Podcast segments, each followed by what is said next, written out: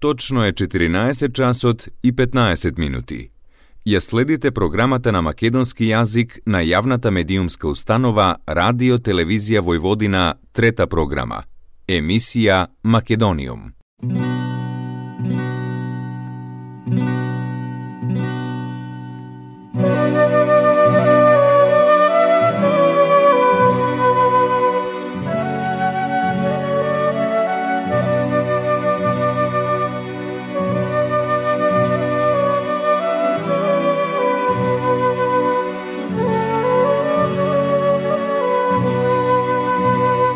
Македониум.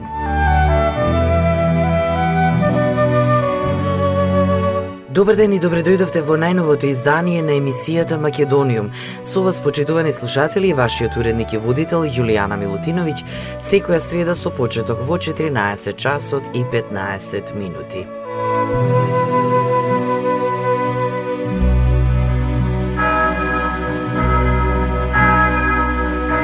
Македониум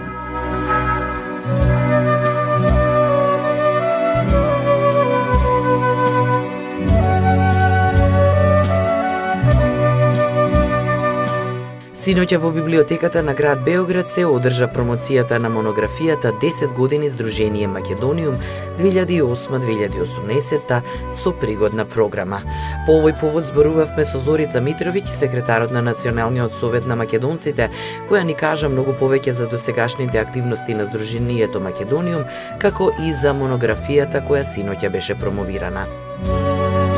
Здруженијето Македониум еве веќе 14 години со своите културни активности на најрепрезентативен начин ја представува македонската заедница пред се во Белград, а потоа и во Република Србија.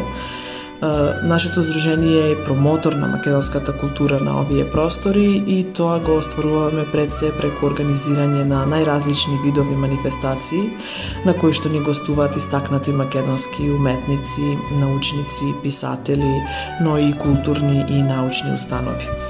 А, нашето здружение работи според годишен план на програма. За жал, во предходните две години тоа не беше можно, но сега еве повторно а, се враќаме во, во, некоја, во некоја нормала и се надеваме дека во ова година ќе успееме да ги реализираме сите наши планирани активности. А, ние традиционално ги одбележуваме неколку датуми кои што сметаме дека се важни како и за а, македонскиот народ воопшто, така и за припадниците на македонското национално малцинство тука во Србија. Тоа е пред се денот на мајчиниот јазик на 21 февруари, а, потоа денот на жената 8 март, каде што ги афирмираме жените кои што се припадници на македонското национално малцинство тука тука во Србија, но често имаме и гости од од Македонија. Нашата централна и секако најзначајна активност е манифестацијата Денови на македонската култура во Белград, Допир на Македонија, која што организираме по повод чествувањето на денот на светите Кирил и Методи. Таа манифестација е влезена во календарот на редовни културни наставни во Белград и она според квалитетот на програмата во која ги промовираме најдобрите и врвни македонски културни вредности е најголем организацијски предизвик, но во исто време и сатисфакција значи, на членовите на Сдруженијето, а пред се за, за неговиот управен одбор. Потоа ќе имаме прослава на најголемиот македонски празник Илинден и секако чествување и одбележување на значајните датуми од македонската историја 11 и 23 октомври. Ноември е месец кога се слави роденденот на Сдруженијето, а веќе на 8 декември ја организираме Академијата по поводенот на Свети Климент Охриски. Се надевам дека ќе имаме можности, дека ќе имаме услови сите овие настани и во ова година да ги да ги реализираме. Македониум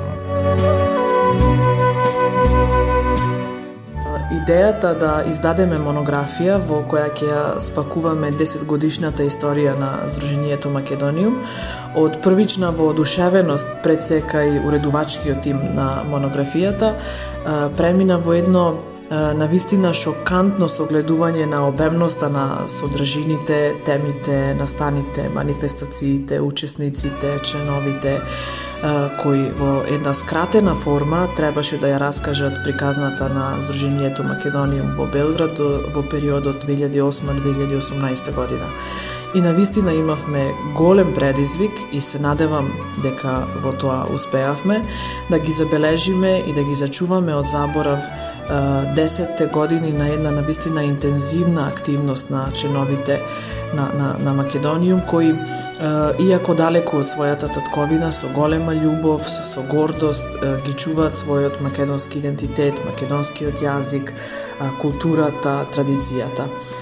Ние се обидовме да низ ова монографија го прикажиме патот што го изоди Здруженијето Македониум во периодот 2008-2018 година за да ги оствари своите цели, кои ќе видите и во монографијата никогаш не биле мали и со оглед на околностите во кои што се остварувале никогаш не биле ни лесни, па така и издавањето на оваа монографија на вистина не беше не беше ни малку лесно, всушност за тоа и траеше повеќе од колку што ние планиравме, но ете сепак благодарение на Македонскиот национален совет, на Министерството за култура на, на Република Србија и секако на нашиот издавач, новинско-издавачката установа Македонски информативен и издавачки центар, успеавме да, да, ја, да ја издадеме монографијата, да ја издадеме книгата и ете и да ја промовираме во библиотеката на градот Белград и да ја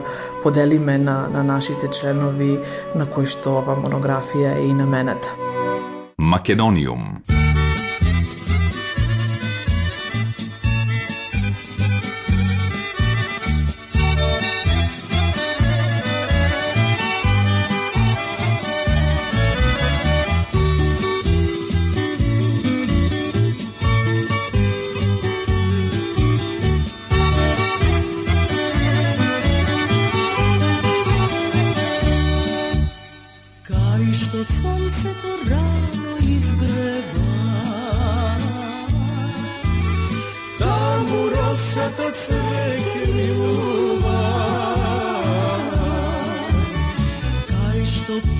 ta ljubav opea Solci na nosnici srca topea Gledaj prekrasno sine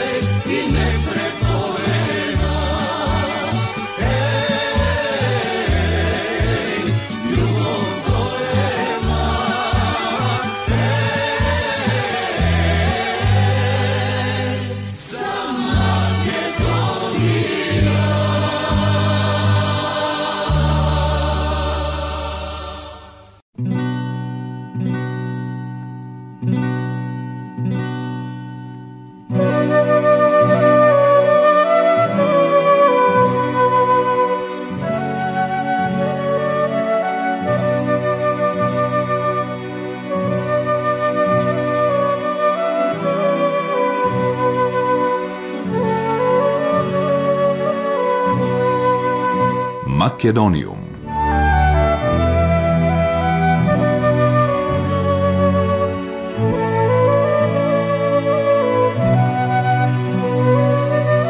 Делегацијата на Македонскиот национален совет во состав Борче Величковски председател, Зорица Митровиќ секретар и Озрен Симјановски директор на новинско издавачката установа Македонски информативен и издавачки центар, уствари состанок со премиерот на покринската влада Игор Мировиќ, на кое што се разговараше за поддршката на програмите значајни за унапредување на положбата на припадниците на Македонската национална заедница во Војводина. Председателот Борче Величковски на премиерот му врачи златна плакета за придонес во работата и афирмација на Националниот совет, истакнувајќи ја одличната соработка со покраинската влада, како и со другите покраински секретаријати во Војводина. Премиерот Мировиќ упати честитка по повод 75 години од доселувањето на македонците во Војводина и 20 години институционалното организирање на македонското национално малцинство во Србија, јубилеи кои што Националниот совет ги одбележува во текот на оваа година. Тој најави и дека покринската влада ќе го поддржи проектот за поставување на споменик Мајка Македонија во Панчево, каде што е и седиштето на Советот. Дел од средствата веќе ги обезбеди Националниот совет, а идејното решение на споменикот Мајка Македонија го изработи вајарот Синиша Новески. Самата скулптура естетски е символика на жена мајка со своите две деца, како се доселува во Србија. Жената е облечена во традиционална македонска облека од тој период, со изморено и тажно лице за напуштање на родната Македонија, но и оптимизам за нов почеток.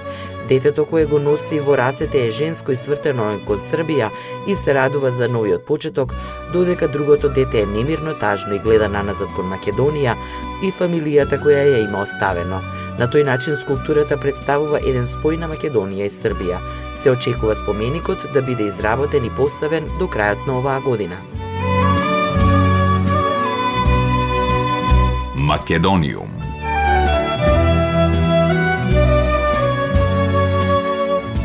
Завчера започна настава на македонски јазик на далечина за сите иселеници и за оние кои сакаат да го научат македонскиот јазик, како што објави Агенцијата за иселеништво на Република Северна Македонија на сајтот на агенцијата.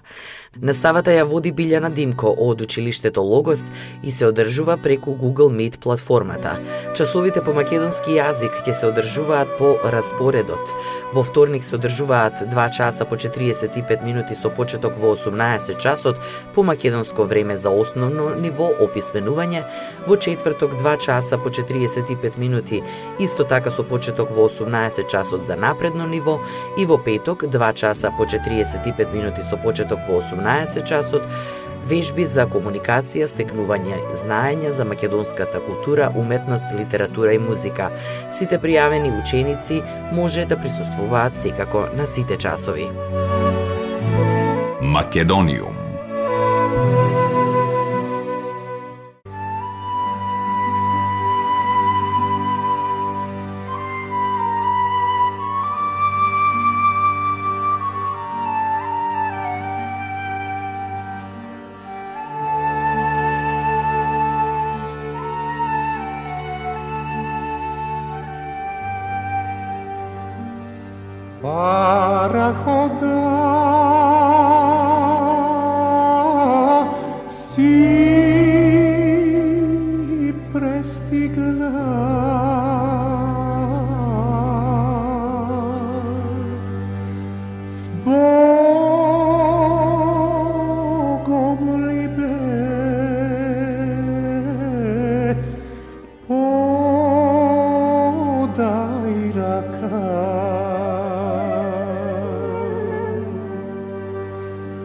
neplaći,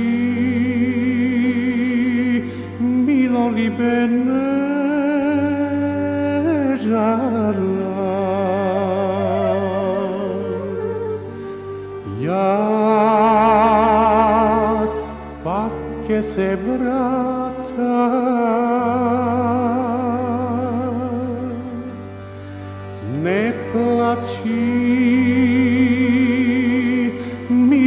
sen mezarla Yaz bak que se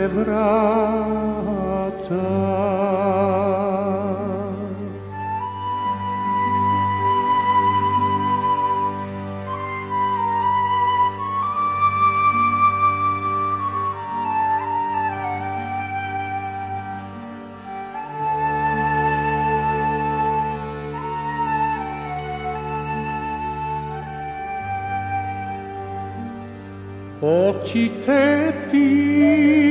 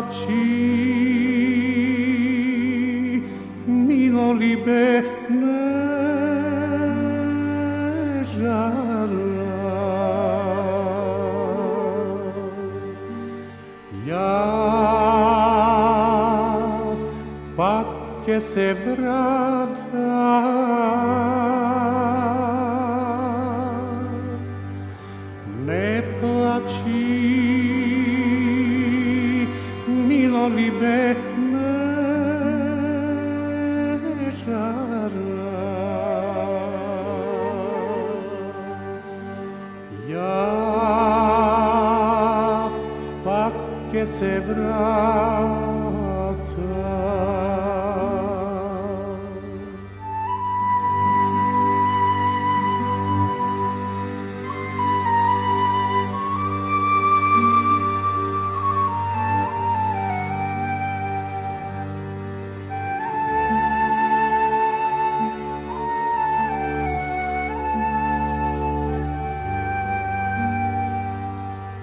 ja w zemni si.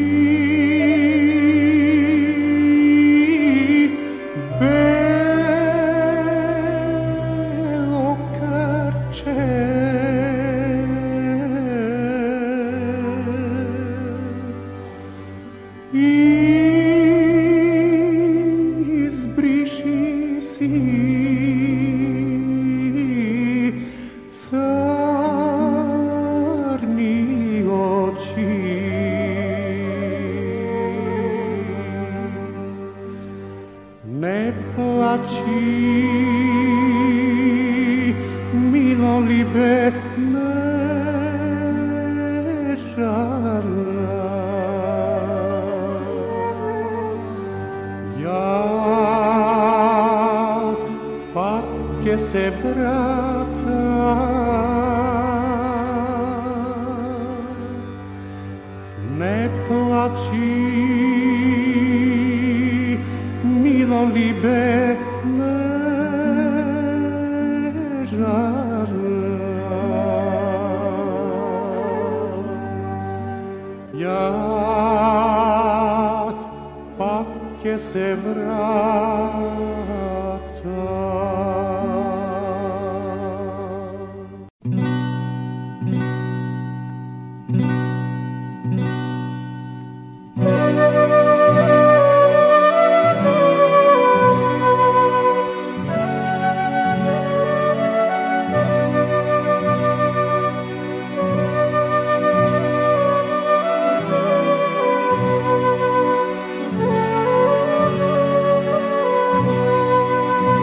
Македонијум.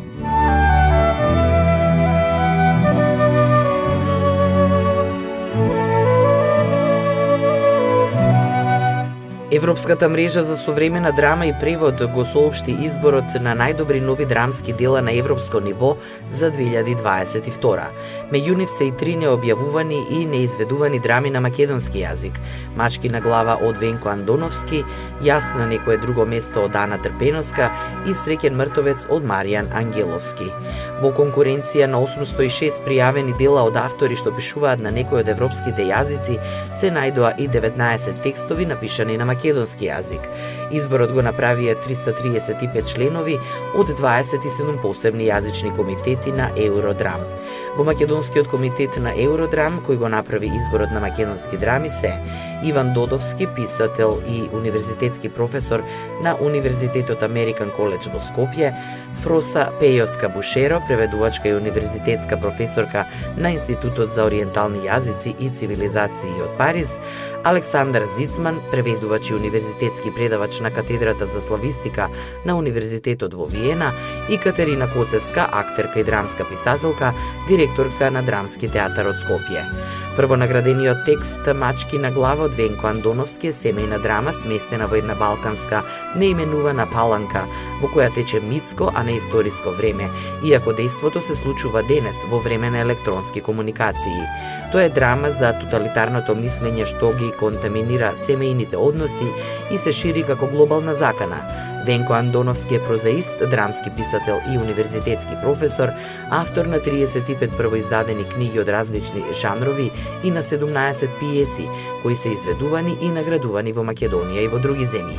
Инспирирана од вистински настан, драмата Јас на некое друго место од Ана Трпеноска ја обработува темата на филицид, убивање на собствените деца од страна на мајката, емигрантка од Балканот, која страда од депресија. Во едно нормално навидум среќно семејство што живее во странство, за време на роден ден се случува трагедија што ги разоткрива темите на отуѓеност, чувство на промашен живот, изместени вредности и притисок врз поединецот наметнат од конзумеристичкото општество. Ана Трпеновска е драмска писателка што живее и работи во Виена, дипломирала драматургија на Факултетот за драмски уметности Скопје. Две незини драми се играни на сцената во МНТ, за незиниот текст 517 добила меѓународно признание од ИТ ЮНЕСКО во 2014 година, а игран е на форумот за современа драматика во Атина. Среќен мртовец од Маријан Ангеловски е сатирична и абсурдна драма за живиот мртовец Живко, кој поради системска грешка добива решение дека починал, па минува низ пекол, борејќи се со бирократските лавиринти на државниот систем да си го врати голиот живот. Маријан Ангеловски е автор на неколку драмски текстови и сценарист во телевизиските емисии Вчерашни новости и Еден на еден. Евродрама е европска мрежа за современа драма и превод, која опфаќа повеќе од 300 членови, театролози, критичари, драмски автори, преведувачи и режисери, организирани во 30 јазични комитети. Главна цел на мрежата е да го поттикне преводот на современи драмски дела од Европа. Централна Азија и Медитеранот, правејќи ги достапни за театарските професионалци и за публиката во духот на независноста, рамноправноста и јазичната разновидност. Во парни години секој јазичен комитет на Евродрам избира три оригинални драмски дела, напишани на јазикот на тој комитет и ги препорачува за превод на други европски и блискоисточни јазици. Во непарни години пак комитетите избираат три најдобри преводи од нивниот јазик со цел да се препорача нивното објавување објавување и сценско изведување. Резултатите од конкурсот за 2022 година се објавени на официјалната страница на Евродрам.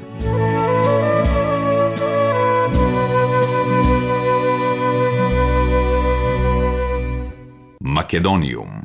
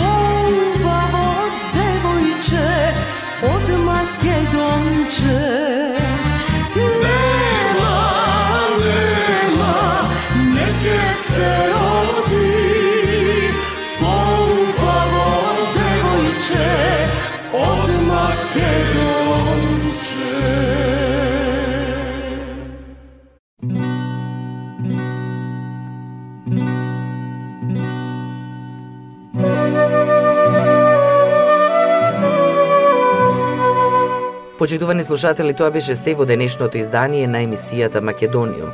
До следната среда во исто време, срдечен и голем поздрав од вашиот уредник и водител Јулијана Милутиновиќ. Ја следевте програмата на македонски јазик, емисија Македониум. Главен и одговорен уредник Воин Поповиќ.